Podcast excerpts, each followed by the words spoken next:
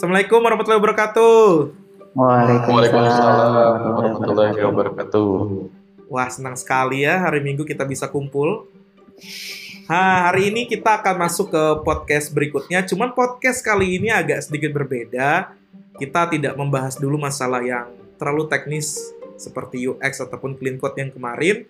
Tapi sekarang kita berbincang-bincang galau dulu dengan beberapa teman saya yang sudah hadir di hari Minggu yang cerah ini. Kita akan membicarakan sebuah tema yang cukup uh, sensasional lah, sensasional. Yaitu anak SMK bisa apa? Lah, bisa apa kalian? nah itu uh, kita akan mulai memperbincangkan tentang hal itu, tapi sebelumnya mungkin uh, teman-teman saya akan memperkenalkan diri dulu karena ini judul podcastnya juga tiga sisi, berarti kita harus punya uh, tiga sisi yaitu dari pelajar, pengajar, dan praktisinya. Dimulai dulu dari praktisi dulu lah ya, tamu kehormatan lah. Silakan Mas Praktisi. Terima kasih. Halo, nama saya Ferry. Saya uh, seorang guru di SMK Negeri 4 Bandung. Pada kesempatan ini, uh, saya sama Pak Adam buat sharing-sharing lah yang satunya disebutin lagi lah, jangan guru SMK-nya aja. Kan sebagai pihak praktisi. Oke, okay, untuk praktisinya uh, saya juga sebagai CEO di PT Somer Kreatif Nusantara. Ya, Jadi kan? punya startup kecil-kecilan lah. Keren kan? Keren kan si Mas Super IP ini keren sekali nih. Oke, silakan buat yang lain memperkenalkan diri.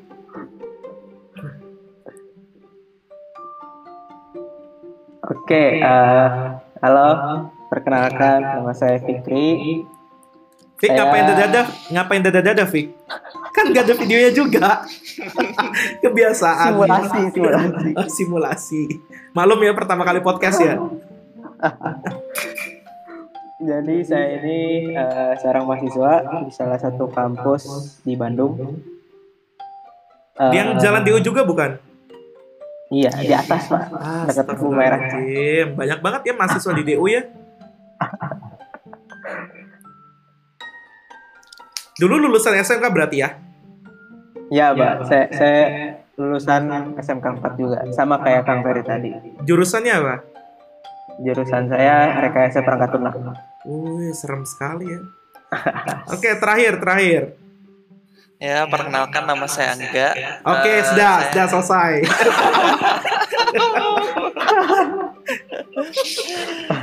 uh, ya enggak, silakan ya. Sedang berkuliah di kampus ternama. Ternama. Juara satu. saya alumni dari SMK 4 juga. Jurusan? Teknik komputer dan jaringan. Oh, teknik komputer dan jaringan. Wah, keren-keren ya. Oke, kita mulai saja langsung perbincangan galau kita.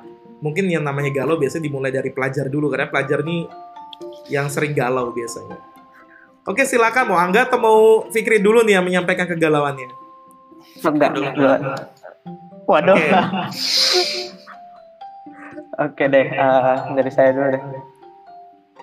Dulu ceritanya saya tuh ada masa ketika uh, mau pas mau lulus SMK tuh bingung mau kuliah atau mau kerja karena di SMK kan udah biasa di apa dididik buat siap kerja gitu.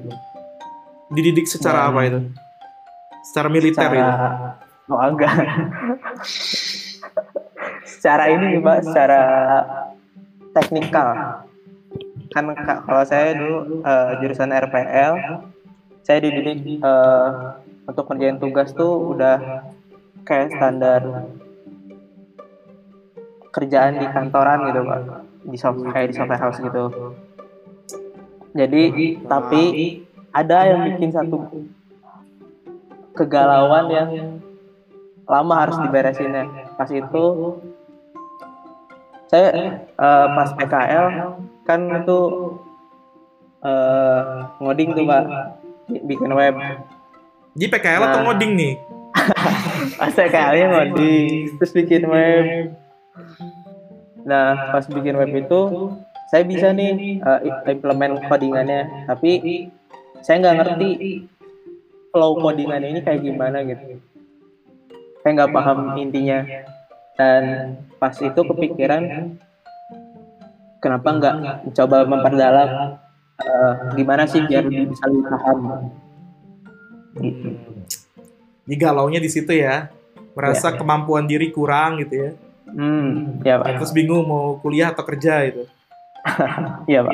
Hmm, Mantap sekali anak SMK kita ini. Kalau Angga gimana nggak? Kebimbangan apa yang dirasakan waktu pas lulus SMK? Ah, pas lulus SMK tuh mulai dari bingung mau kuliah atau kerja juga sama. Nah, terus buat mau kuliah juga tuh bingung mau ngambil jurusan apa biasanya yang TKJ itu. Soalnya mau ke sini pasti ngarahnya ke situ, mau ke sini pasti ngarahnya ke situ dan Kayak emak-emak lo sini sini sana situ. Tolong ambilin itu di sana, yang bagian situ. Dah mana kita ngerti? kalau misalnya kan di TKJ kan belajar tentang jaringan gitu kan nah Nah, waktu pas mau nyari kuliah tuh bingung gitu mau ke mana kuliahnya gitu. Pas nyari deskripsi itu nggak ada yang pas deskripsinya. Kuliah di Uniit saja. Gitu. iklan iklan. Tapi kan di, di sensor, jadi nggak ada nggak ada ini trademark yang disebut nanti. Walaupun Nah. yang trademark satu itu kalau disebut masih seneng sih. Nah kebetulan temen juga banyak yang kuliah di sana. Oh banyak kuliah di kampus yang itu ya. Iya.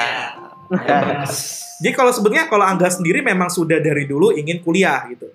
Ya dari dulu emang pengen kuliah sih. Jadi buat kerja itu kayak nanti dulu lah kuliah dulu. Oke oke oke. Berarti galaunya justru lebih kepada memilih prodi ya, program studi ya. Iya.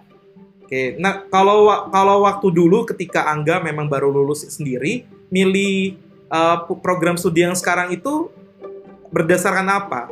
Masukan dari senior kah, orang tua maksa, atau memang uh, ngitung kancing gitu enggak? Direkomendasiin Direkomendasiin sama siapa? sama orang yang ada di situ. Orang yang ada di situ. Oh, oke. oke. Oke, oke. Nah, sekarang kita ke Mas Ferry nih, Mas. Kita minta pendapat dari Mas Ferry. Mas Ferry kan nih perannya triple ya. Wih, triple gitu ya. Guru SMK ya, CEO iya, praktisi ya dalam hal ini. Kemudian dosen pun iya gitu. Nah, sebenarnya pandangan Mas Ferry sendiri terhadap kasus-kasus seperti ini gimana, Mas Ferry? Sebenarnya kan kalau dari program pemerintah itu eh, SMK eh, SMK bisa ya judulnya. Tapi kalau pemerintah sendiri lebih memproyeksikan anak SMK itu jadi eh, siap kerja. Hmm, Cuman ada beberapa eh, isu sih dari anak-anak SMK-nya sendiri bahwa mungkin kalau langsung kerja itu masalahnya adalah salari. Jadi dari salari mungkin nggak akan bisa se-high eh, teman-teman yang sudah memiliki ijazah dari perguruan tinggi. Hmm, jadi sebetulnya memang kegalauan utamanya karena masalah gaji ya berarti di sini ya. Nah, Nah, ketahuan nih kalian galaunya karena uang juga ujung-ujungnya nih. Waduh, ada juga tuh. Ini kegalauan yang baru sebetulnya, tapi memang benar juga ya. Tadi ada ada sisi di mana Fikri mengatakan bingung mau kuliah atau mau kerja. Terus kemudian kalau saya kerja saya kurang ilmunya gitu. Kalau Angga ya lebih kebingungan memilih program studi yang mau diambil di perkuliahannya. Nah ini Mas Ferry membuka tabir lagi nih kejujuran yang nyata dan hakiki ini bahwa ujung-ujungnya memang uang segala sumber masalahnya nih. Nah kalau Mas Ferry sendiri nih kan yang ya dulu juga kan Mas Ferry berangkatnya dari uh, lulusan SMK ya. Pernah ngalamin kegalauan juga nggak Mas? Nah, sama sih kayak teman-teman yang lain ya. Jadi waktu dulu itu eh, mau kuliah pasti berpikirnya itu masalah finansial lagi, Pak. Kenapa Jadi- finansialnya? Mau kuliah tapi nggak punya uang buat bayar kuliahnya gimana ya? Nah, itu jadi dilema Allah. lagi tuh. Ya. Kan ada beasiswa. Nah, itu sedikit cerita yang berbeda lagi ya kalau masalah beasiswa. Hmm, kalau misalkan waktu dulu SMK emang waktu zaman saya sekolah ya, uh, waktu di SMK 4 teman-teman di angkatan saya tuh berpikirnya sama, aduh mau kuliah terus kita udah mungkin umur udah lebih dari 17-18 tahun ya udah ada rasa malu buat minta sama orang tua. Hmm. Jadi berpikir buat kuliah lagi itu agak dilema juga antara ah coba dulu kuliah, eh sorry, ah coba dulu uh, kerja satu tahun baru nanti kuliah. Ada yang kayak gitu. Nah kalau Ferry sendiri masih mengalaminya empat tahun nggak SMK-nya? Atau sudah tiga tahun? Empat tahun. Empat tahun. Berarti udah keburu tua dulu lah ya? Di SMK tuh udah keburu tua dulu empat tahun itu. Tapi kalau sekarang udah overall tiga tahun ya? Angga tiga tahun atau iya, empat iya. tahun nggak? Ah, Angga tiga tahun atau empat tahun kuliahnya? Eh, kuliahnya, SMK-nya? Tiga tahun sekarang. Yang empat tahun, tahun udah nggak ada lagi. Oh, sip, sip, sip. Nah, waktu itu sendiri uh, Mas Ferry mengambil keputusannya seperti apa gitu? Galau-galau uh, mau ke mana ya? Mau kuliah atau kerja dulu? Uh, waktu itu dikasih pandangan sama guru-guru. Kalau kamu pengen uh, skillnya lebih up lagi ya udah kuliah dulu. Apalagi pas waktu itu punya prestasi, jadi kuliahnya mungkin bisa dibantu sama uh, jalur beasiswa. Hmm. Jadi, Jadi memang iya. karena karena prestasi itu juga lah yang memberatkan akhirnya kuliah aja lah gitu ya. Iya betul. Nah kalau kalau tadi kan disebutkan ada ada kondisi di mana teman-teman di SMK itu agak khawatir masalah dana kuliah ya. Nah ini dari Fikri dan dari Angga sendiri teman-temannya gimana? Apakah mengalami hal yang sama atau ah enggak dong anak SMK sekarang kan kayak kayak sultan gue gitu? Atau gimana nih? Kebetulan alhamdulillah lagi lagi ada keluarga. Jadi bisa. Kalau kalau dari saya sih teman teman-teman tuh emang ngerasa juga kalau dari finansial hmm, karena okay. di SMK tuh nggak nggak semuanya orang kaya lah pak jadi ada orang yang sederhana juga terus kita tuh kan sering berbincang-bincang itu pengen kuliah atau kerja dan mereka yang dengan ekonomi rendah mereka lebih milih kuliah karena nggak nggak mampu gitu buat masuk uh, ke kampus. Dan tidak mampu secara finansial ya berarti ya? Ya tidak mampu secara finansial. Dan kalau kita dari SMK tuh mau di kampus negeri agak susah. Soalnya dari jalur beberapa jalur masuk tuh misalnya satu nih SNMPTN itu kebanyakan uh, yang terimanya malah dari SMA SMK jarang banget ya karena kalau memang dilihat dari ini dari sudut pandang akademik ya.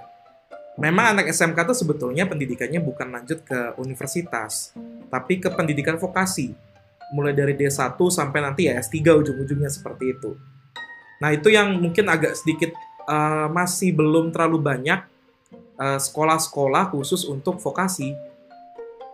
Kalau nggak salah, UGM punya, yang pendidikan vokasinya juga punya. Kemudian beberapa kampus negeri pun juga punya, yang politeknik dan segala macam. Cuman kan yang jadi lucunya, terkadang uh, rebutan lagi sama anak SMA. Anak SMA-nya mau masuk politeknik juga gitu.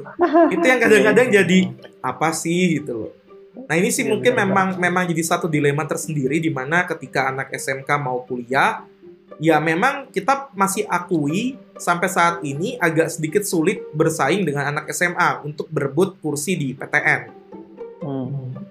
Kemudian Uh, ketika masuk ke sekolah yang memang dihususkan untuk terapan, contoh kayak politeknik uh, ataupun yang vokasi seperti itu, ya memang ternyata anak SMA-nya pun yang tidak terima di uh, eh, S1-nya, misalkan dia ngambil di politekniknya seperti itu.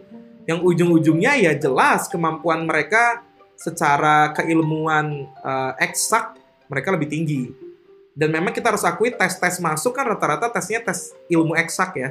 matematika, IPA, kemudian segala macam. Nah itu yang memang jadi kendala sih. Nah, eh, Mas Ferry sendiri sebenarnya kan sekarang sudah punya sebuah eh, startup kecil-kecilan seperti itu. Di dalamnya ada anak SMK nggak? Ya, semuanya sih anak SMK.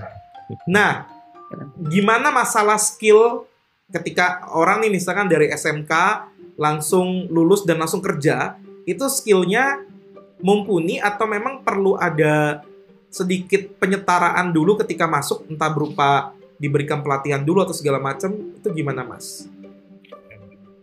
Biasanya sih untuk yang fresh graduate dari SMK em, tergantung ya. Jadi kita tes dulu skillnya. Kalau misalkan skillnya cocok nih buat langsung dilibatkan ke project yang lagi ongoing, ya udah dia langsung dilibatkan di project tersebut. Tapi kalau misalkan dia belum mumpuni, biasanya sih kita kasih dulu kayak tantangan. Jadi coba eh, kalian setelah fresh graduate mau join ke, ke perusahaan kita, kerjain dulu tes-tes yang kita kasih gitu. Kalau misalkan dia pas, berarti ya udah dia bisa belajar eh, lebih lanjut di perusahaan kita ya kayak gitu sih. Oke, secara jujur skillnya bagus atau enggak? Eh, Kalau fresh graduate nih langsung dari SMK langsung daftar kerja, skillnya bagus atau enggak? Jujur lo ya. jujur ya. Sebetulnya kalau dibilang rata-rata kurang, Kurang. kurang. Tapi kalau Jadi SMK SMK bisa kerja itu belum bisa tercapai cukup baik ya? Iya. Eh, paling gini sih. Jadi eh, orang-orang yang siswa-siswa yang punya eh, menunjuk kelebihan kelebihan gitu biasanya yang sering ngulik-ngulik kalau di IT. ya. Ya. Nah, itu yang yang bisa lebih menonjol di dunia kerja. Oke oke. Mungkin gini ya, karena kita semua kan orang IT nih. At the end kita orang IT gitu. Saya agak agak khawatirnya mungkin di IT saja, tapi mungkin hal itu nggak kejadian di SMK dengan ju- jurusan yang lain. Contoh misalnya tata boga.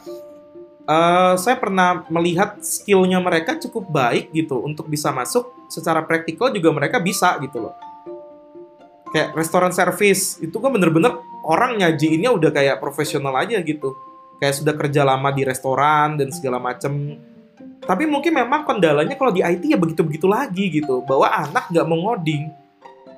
Pak, eh, fenomena di IT itu kan sekarang perkembangan teknologi IT cepat banget ya. Iya, Nah, beda sama kalau yang eh, kayak tadi misalkan service ya mungkin ada improve-improve dari pelayanannya atau apa gitu. Kalau masak mungkin eh, ada resep-resep baru atau yang kekiniannya kan udah terlalu susah buat ngejarnya. Mm-mm. Tapi kalau anak SMK yang IT itu setiap tahun pasti ada perubahan. eh, misalkan ada framework yang baru atau ada eh, desain pattern yang baru. Itu kan tantangannya bukan hanya buat siswanya, tapi buat gurunya juga. Gurunya sekarang semakin lama kan banyak guru-guru yang semakin senior lah kalau kita bisa bilang skillnya mungkin itu harus kita upgrade juga buat guru-gurunya jadi itu tantangan juga buat SMK yang khususnya SMK IT Oke oke. Ah mungkin gini, kita perlu tanggapan nih dari segi yang pelajarnya nih, yang dulu pernah merasakan bangku SMK. Merasakan bangku SMK itu kalimatnya aneh banget ya. Di, dicicipi kayaknya, dijilat, dicelupin gitu. Nah, eh, ketika kuliah, eh ketika kuliah lagi, ketika sekolah di SMK, kan itu bener-bener diajarnya langsung praktis ya. Iya. Iya, Pak. Nah, karena diajarnya begitu praktis, pas masuk kuliah sempat kaget nggak sih dengan theoretical-theoretical yang disampaikan? Atau eh, apa ya? Atau mengalir saja ya? Nggak mudah pak gitu. Hmm, kalau dari saya udah beberapa udah ini ya udah terbiasa gitu. Saya kayak algoritma dasar, terus pemrograman orientasi objek. Tapi yang baru di kuliah itu yang saya baru temuin tuh ada struktur datanya. Kalau SMK tuh dulu cuman ada nah, mata pelajaran itu pemrograman dasar satu sampai pemrograman dasar dua dan itu nggak nggak spesifik ke struktur data gitu ilmunya. Terus kalau pas masuk kuliah nggak nggak terlalu kaget sih jatuhnya soalnya udah terbiasa banget kita eh, latihan praktikal di SMK tuh kerasa banget latihannya banyak banyak latihan di SMK. Kalau sama kalkulus nggak kaget ya? Kalkulus eh, kaget sih pak. Kaget. Soalnya ilmu ilmu itu di SMK nggak terlalu dalam. Ilmu matematika di SMK tuh sebatas umum aja gitu gimana kayak apa ya? Satu tambah satu sama dengan dua itu. Oh enggak ya? Enggak, enggak gitu juga pak. Pokoknya pokoknya umum aja matematikanya nggak terlalu spesifik banget gitu. Tapi itulah Jadi- justru kelebihan anak SMK loh. Anak SMK tuh sudah sangat terbiasa dengan algoritma, sudah terbiasa dengan uh, memprogram seperti itu. Kebetulan saya kan asalnya dari anak SMA ya. Pertama masuk ke teknik informatika itu kaget sekali. Ada mata kuliah namanya algoritma. Aku kirain algoritma itu adalah semacam cabang di matematika. Karena mirip-mirip dengan logaritma gitu. Oh, algoritma, logaritma. Oke, ini kayaknya salah ketik deh. Aku kira salah ketik nih. Ini kayaknya dosen salah ketik. Ternyata pas masuk, ya kaget gitu. Ini apa? Kok kayak kita membuat sesuatu yang yang istilahnya abstrak kan? Kalau kita bilang algoritma tuh abstrak ya. Kita nggak bisa running itu langsung gitu loh. Kita harus ubah dulu si algoritmanya untuk jadi sebuah bahasa pemrograman, diimplementasi dalam bahasa pemrograman, kita testing baru bisa terasa hasilnya gitu.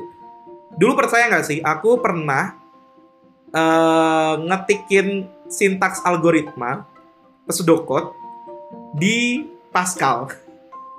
Kemudian aku running dan itu error terus gitu ya. Namanya juga anak SMA. Dulu kan ya apalagi saya istilahnya ya kalau anak SMA sekarang keren-keren lah sudah sudah tahu komputer seperti apa. Komputer tuh sudah mudah banget didapat. Dulu zamanku tuh aku modal masuk teknik informatika tuh hanya di Excel, Word, kemudian ya Office aja lah gitu. Nah itu sih yang kadang-kadang jadi kaget. Apalagi itu aku senang banget pas bikin website pertama kali. Bikin Hello World, tapi muncul di web browser. Iya. Ya ampun tuh rasanya tuh enak banget gitu. Weh kok muncul ya gitu. Sementara kan kalau dulu kan kita buka Yahoo tuh, uh gi- gila keren banget ya Yahoo gitu. Friendster, buka Friendster wah keren ya gitu.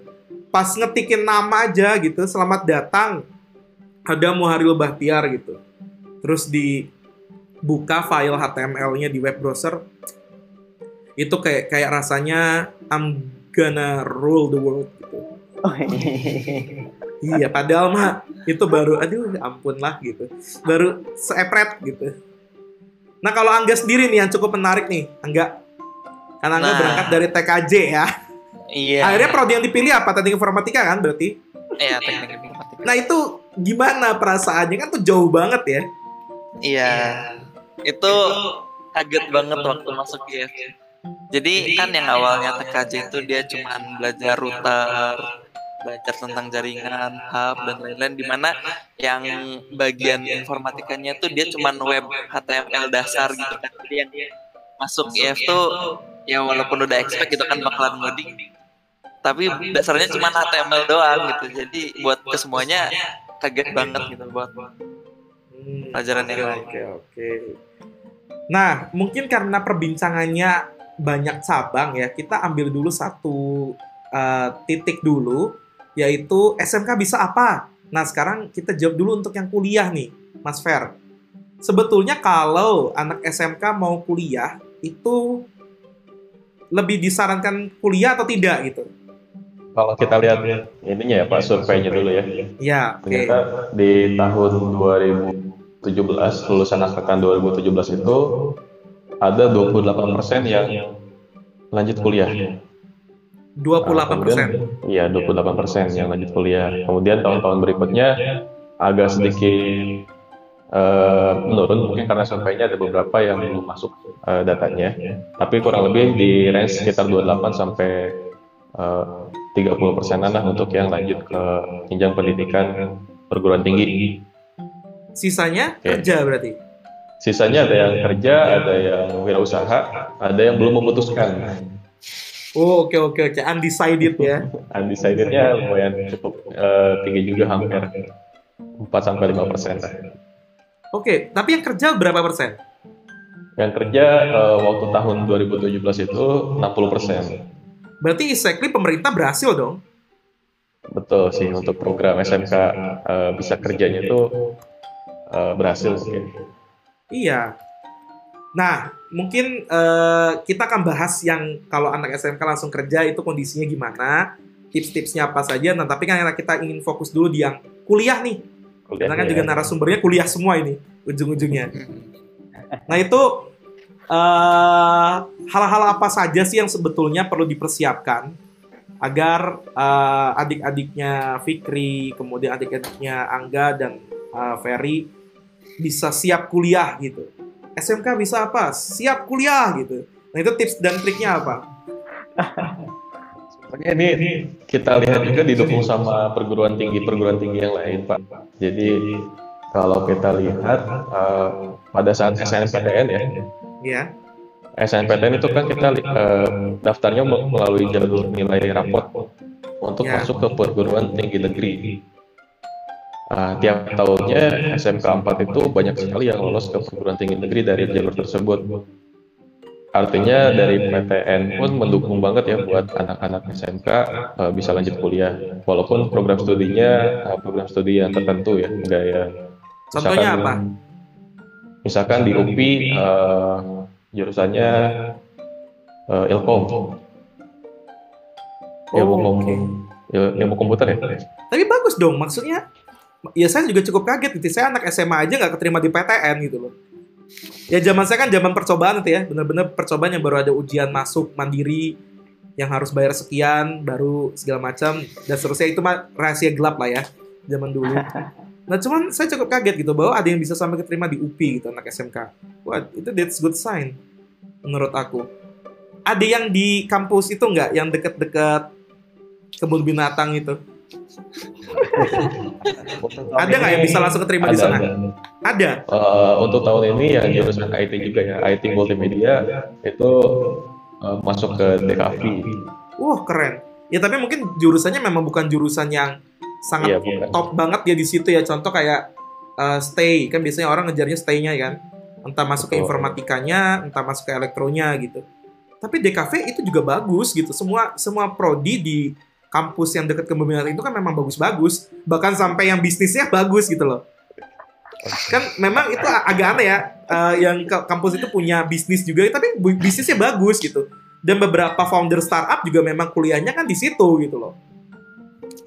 Nah itu memang cukup menarik ya, saya baru tahu gitu. Nah anggaplah, anggap ada orang yang kurang beruntung tidak keterima di SNPTN. Karena kalau SNPTN tadi kan ngeliatin nilai rapot tadi ya, katanya. Ya. Oke, anggaplah kemungkinan kecil sekali, tadi juga cuma satu yang masuk DKV. Nah misalkan mau masuknya ke yang PTS atau swasta. Nah itu kira-kira apa sih yang harus disiapin gitu? Ada beberapa jalur, jadi eh, langkahnya gini. Siswa-siswa itu coba dulu jalur SNMPTN. Oke, Kalau misalkan dia tidak lolos, dia coba jalur yang eh, bidik misi, beasiswa bidik misi.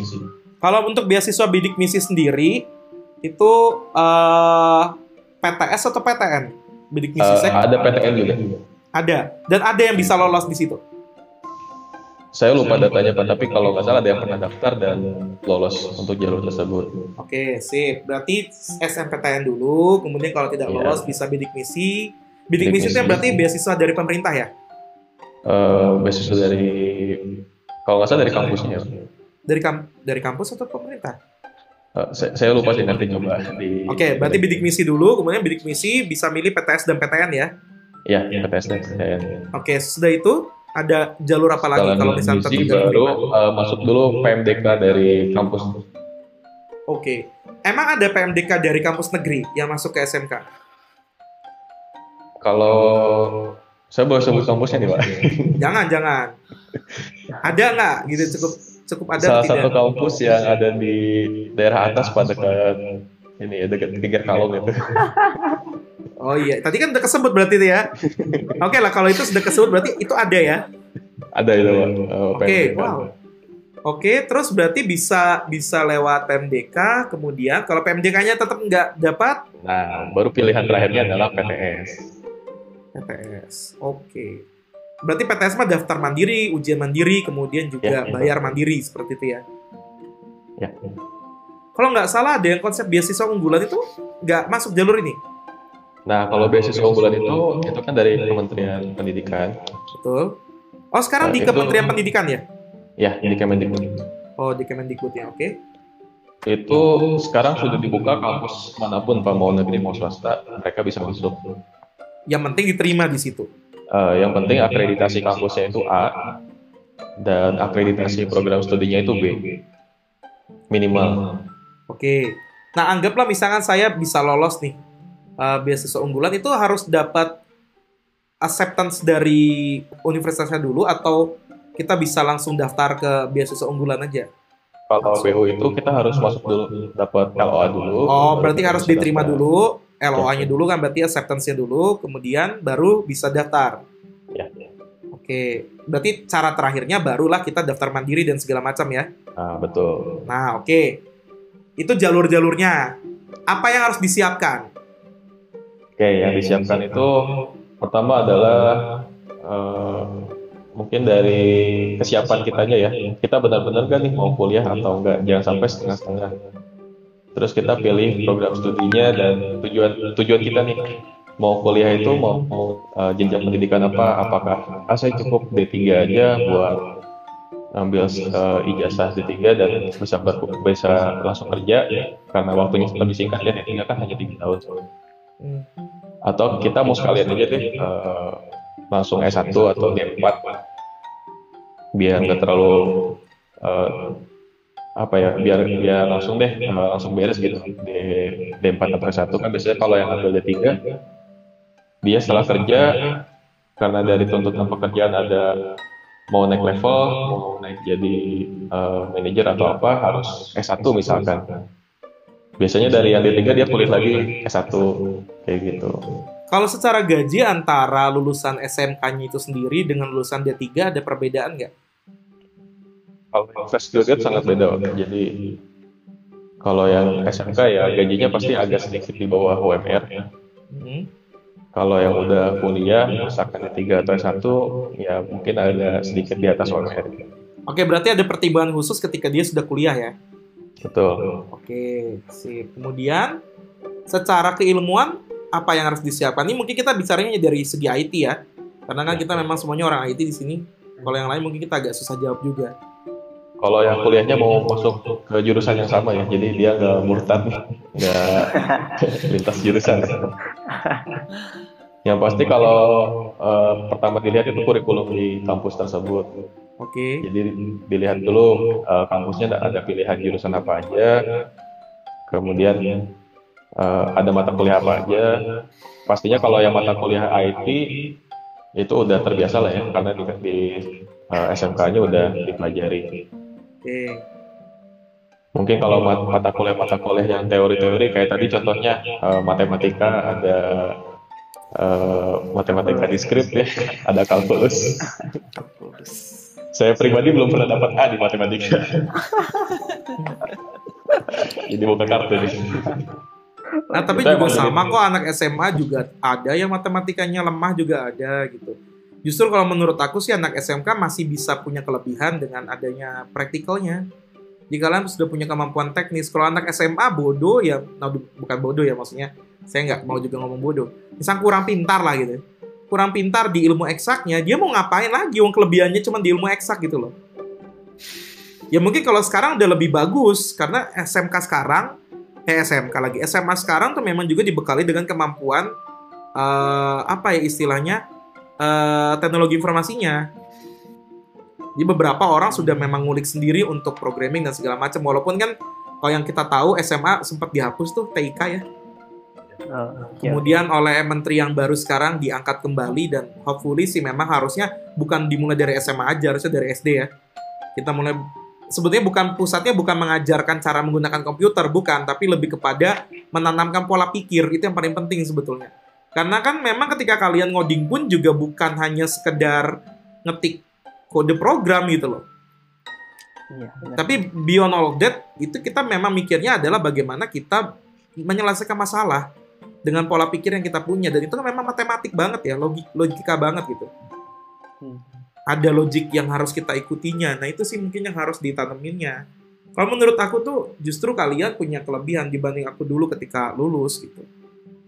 Berarti mungkin yang harus segi persiapannya justru di menghadapi ilmu-ilmu eksak yang menjadi fundamental di suatu prodinya ya. Kan di sisi lain ada yang harus dipersiapkan lagi itu adalah adaptasi. Kenapa? Jadi- Memang ada yang beda antara anak SMK dengan anak SMA ketika berkuliah. Kalau di eh, eh, tingkat kuliah kan kita lebih dituntut mandiri ya. Jadi eh, belajarnya sendiri, terus kita harus lebih rajin ngulik-ngulik lagi. Kalau SMK kan kita dibimbing sama gurunya. Kalau misalkan kita nggak ngerjain tugas, eh, gurunya yang bakal ngejar-ngejar kan. Hebat sekali kalian. Guru SMK hebat gitu ya.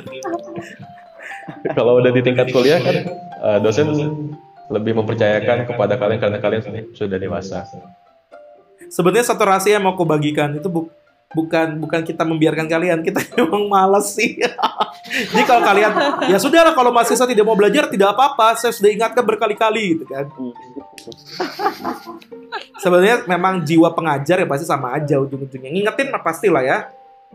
Ayolah belajar belajar gitu, tapi tetap aja namanya anak kadang-kadang baru pertama kali kuliah kan kaget ya. Yang sehari kalau dulu di SMK atau SMA bisa dari jam 7 sampai jam 3 sore, ini kuliah cuman jam 7 sampai jam 9.15 udah selesai pulang gitu kan. Udah aja kaget. Nah, itu itu yang kagetnya itu loh yang harus ditangani, manajemen kaget.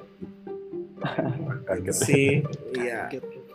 Eh, teman-teman SMK yang pertama masuk kuliah itu rasanya gitu pas semester pertama eh, dia kan biasa terbiasa di, di sekolahnya itu dari jam 7 sampai jam 3 tadi ya kata eh, Pak Adam terus pas di kampus masuknya jam 9 kemudian selesai jam jam 11 tahu-tahu masuk lagi jam 3 gitu. Iya. Nah itu yang agak sedikit jadi apa perlu adaptasi gitu untuk manajemen waktunya lagi kan. Tapi bukannya anak SMK sendiri sudah lebih banyak belajar masalah manajemen waktu ya? Karena kan kalian diajarin eh, kerja lapangannya cukup lama kan? Dan kerja lapangan tuh pasti berhubungan dengan manajemen waktu, kedisiplinan dan segala macam. Beda dengan anak SMA yang mungkin teratur sekali hidupnya jam 7 sampai jam 3 udah pulang habis kecuali kalau ada yang les lagi segala macam gitu. Kenapa jadi dikhawatirkan, Mas Fer? Memang ada kasus apa gitu? Kok sampai harus mengkhawatirkan manajemen waktu gitu? Eh, mungkin nanti bisa nanya sama Angga atau Fikri. Cuma saya coba kasih sudut pandang dari teman-teman adik kelas saya ya yang semester 1 masuk. Dia ngerasa kagetnya tuh karena ada waktu kosong yang dia bingung mau ngapain. Terus eh, kan jadwalnya Dikasih waktu kosong malah bingung ya. Kalian super sekali loh itu. Saya waktu pertama kali kuliah tuh senang sekali gitu. Kenapa? Karena waktu SMA, waduh bebannya berat sekali ya. Udah mana itu isi tas itu penuh dengan buku paket. Beda sama anak SMK yang bawanya cuma satu buku untuk seluruh mata pelajaran gitu.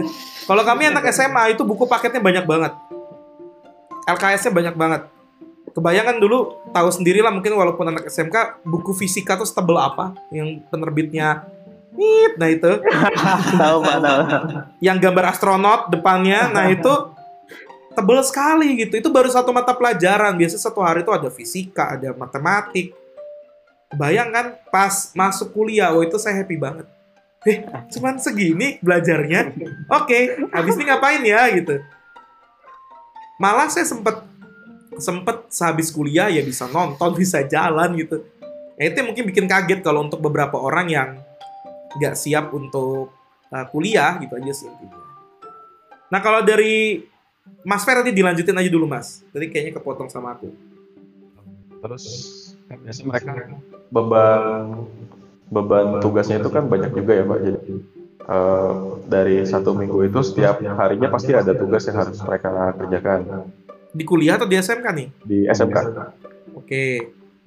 Nah, sedangkan pas baru masuk ke, ke semester pertama, eh, itu kan belum se- sepenuh eh, apa tugas-tugasnya belum banyak seperti di SMK tuh. Nah, biasanya pas foto kosong itu kan mereka bingung ini mau ngapain. Tugas belum ada banyak kayak waktu zaman SMK.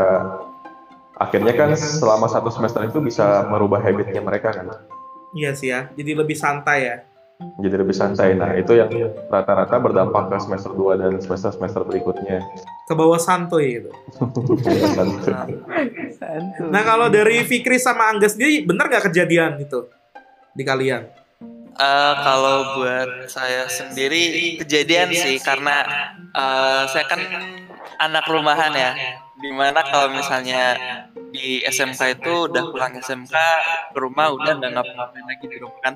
Nah waktu kuliah itu kan tiba-tiba ada jam kosong banyak tuh apalagi dari rumah ke kampus tuh jauh tuh. Terus baru masuk juga belum ikut divisi apa-apa temen juga belum ada yang pada yang kenal jadi udah nyasar itu udah nggak tahu mau ke mana di jam kosong itu. Karena anda nggak punya uang makanya bingung. Kalau kalau Sultan akan Waduh. bingung nongkrong di McD, nonton, beli-beli barang di iBox gitu. Ya. Ya karena kamu no life, no life itu disebabkan karena uang tidak banyak gitu loh. Ya, Kalau Fikri sendiri gimana Fik? Ya, No life kalau- juga? kalau- enggak, Pak. Kalau kalau saya kalau waktu kosong tuh biasanya saya ketemuan sama teman yang- yang dulu SMK. Kebetulan mereka kerjanya nggak jauh dari kampus yang saya sekarang kuliah nih. Jadi kayak ngobrol-ngobrol gitu gimana kerja Bikin geng gitu ya? Bikin geng. Kenzi! Enggak, enggak, enggak geng juga. Tapi ada satu momen bener tadi- kayak kata Kang Ferry tadi ada waktu-waktu santai nih pas eh, giliran di semester selanjutnya mulai numpuk tugasnya habit yang lama tuh yang santai itu masih ke bawah jadi kayak keteteran sama tugas-tugas kampus sendiri. terus buat buat ngatasin itunya cari-cari nih uh, aktivitas di, di daerah sekitar kampus apa sih yang bi- biar nggak bikin gabut banget gitu di waktu kosongnya Oke, oke. gitu. Sip. Jadi eh, pertanyaan terakhir nih. Jadi sebetulnya anak SMK bisa kuliah atau enggak sih? Bisa. bisa bisa Bisa. bisa Bisa sampai S3 nggak nih? Bisa. kalau mau bisa bisa pak Bisa ya. bisa Bisa. Iya. Ini Mas Ferry diem aja nih. Bisa nggak Mas Fer? Bisa Pak, kalau saya mau S3. Wih, sombong, sombong sekali Anda ya. sombong sekali memang. Hebat Oh, hebat lah anak. SMK, anak SMK mau S3 tuh hebat. Saya aja males. Saya aja males gitu loh. Udah udah S2 tuh udah aduh mau mau sekolah lagi tuh rasanya ampun deh gitu. Hebat hebat anak SMK sudah mau kuliah S3 tuh hebat sekali. Ada tambahan nih. Tambahnya apa, Fer? Uh, buat anak SMK itu SMK bisa kuliah ya. Sebetulnya kuliah itu uh, untuk membuka jejaring sih. Oke. untuk membuka relasi, kemudian untuk membuka pola pikir, untuk membuka wawasan lebih luas lagi. Jadi di dunia pendidikan itu seperti apa sih bentuknya gitu, seperti apa sih uh, cerita-cerita dari dosen-dosen yang sudah berpengalaman, dari teman-teman. Mungkin kan kalau setelah kuliah itu nanti setelah lulus teman-temannya bakal kerja di berbagai macam industri ya. Hmm. Nah itu bisa jadi sebuah peluang atau sebuah eh, jalan lah buat kita cari relasi gitu. Oke, oke. Kalau kita misalkan langsung kerja, eh, kita skupnya cuma di lingkungan kerja aja, mungkin karyawan 1 sampai 5 sampai 10 orang lah kita cuma punya jejaring di situ. Tapi kalau kita kuliah, setiap semester kan kita bakal ketemu teman baru, terus kita bakal ketemu dosen baru. Artinya itu bisa lebih membuka peluang kita buat lebih banyak berinteraksi dengan orang lain. Wow, keren sekali itu. Itu itu mind blowing banget memang. Oke, jadi intinya adalah anak SMK bisa kuliah ya. bisa Bisa. bisa Oke. Sebelum kita menutup podcast kali ini, ada pertanyaan yang cukup menggelitik sebenarnya. Jadi, anak SMK bisa kerja atau bisa kuliah? Jangan dijawab sekarang. Jangan dijawab sekarang karena kita akan compare di podcast berikutnya. Kita akan compare tentang lebih siap mana anak SMK itu untuk kerja atau kuliah. Lalu kita akan compare juga dengan kebijakan pemerintah yang sekarang yang lebih mengutamakan anak SMK siap kerja. Kemudian juga kita akan lihat juga beberapa fakta uh, anak SMK yang memang uh, memiliki skill yang cukup tinggi dan itu terbukti di beberapa hal. Contohnya di kompetisi skill competition baik yang ASEAN ataupun juga Asia sampai ke yang World juga itu ada beberapa anak SMK dari ya SMK teknik ataupun juga non teknik yang sempat menjuari hal tersebut dan ternyata juga skillnya nggak kalah. Walaupun ada yang tidak kuliahnya juga misalkan dari situ. Nah nanti kita akan bahas pada podcast berikutnya. Siapkan kegalauan kalian lagi. Nggak ada. Harus tetap jadi manusia galau karena inti dari podcast ini adalah membuat kegalauan tambah galau Waduh. Oke, terima kasih banyak Mas Fer. Terima kasih banyak juga untuk Fikri dan Angga. Terima kasih untuk waktunya. Hari Minggu masih mau uh, podcast bareng di sini. Uh, ada masukan lain sebelum saya tutup? Oh iya Pak, titip nih Pak. Satu Nitip pesan apa? buat anak-anak SMK yang mau kuliah. Pas kalian awal kuliah nih, jangan sampai waktu-waktu kosong itu benar-benar kalian gak ada aktivitas sama sekali. Karena eh, saya ngalamin dalam beberapa waktu itu, waktu kosong itu bisa mempengaruhi habit kita ke depannya. Dan cari eh, seenggaknya satu eh, habit yang itu bisa ngasih dampak ke depannya lebih baik. Hmm, oke oke oke. Sip, Angga ada tambahan? Semangat aja buat yang mau kuliah. Hati-hati dalam berkuliah itu ya. Iya. Oke, sip sip. Terima kasih banyak. Have a nice day. Have a nice weekend. Sampai ketemu lagi nanti di podcast berikutnya. Yuk, assalamualaikum warahmatullahi wabarakatuh. Waalaikumsalam warahmatullahi wabarakatuh.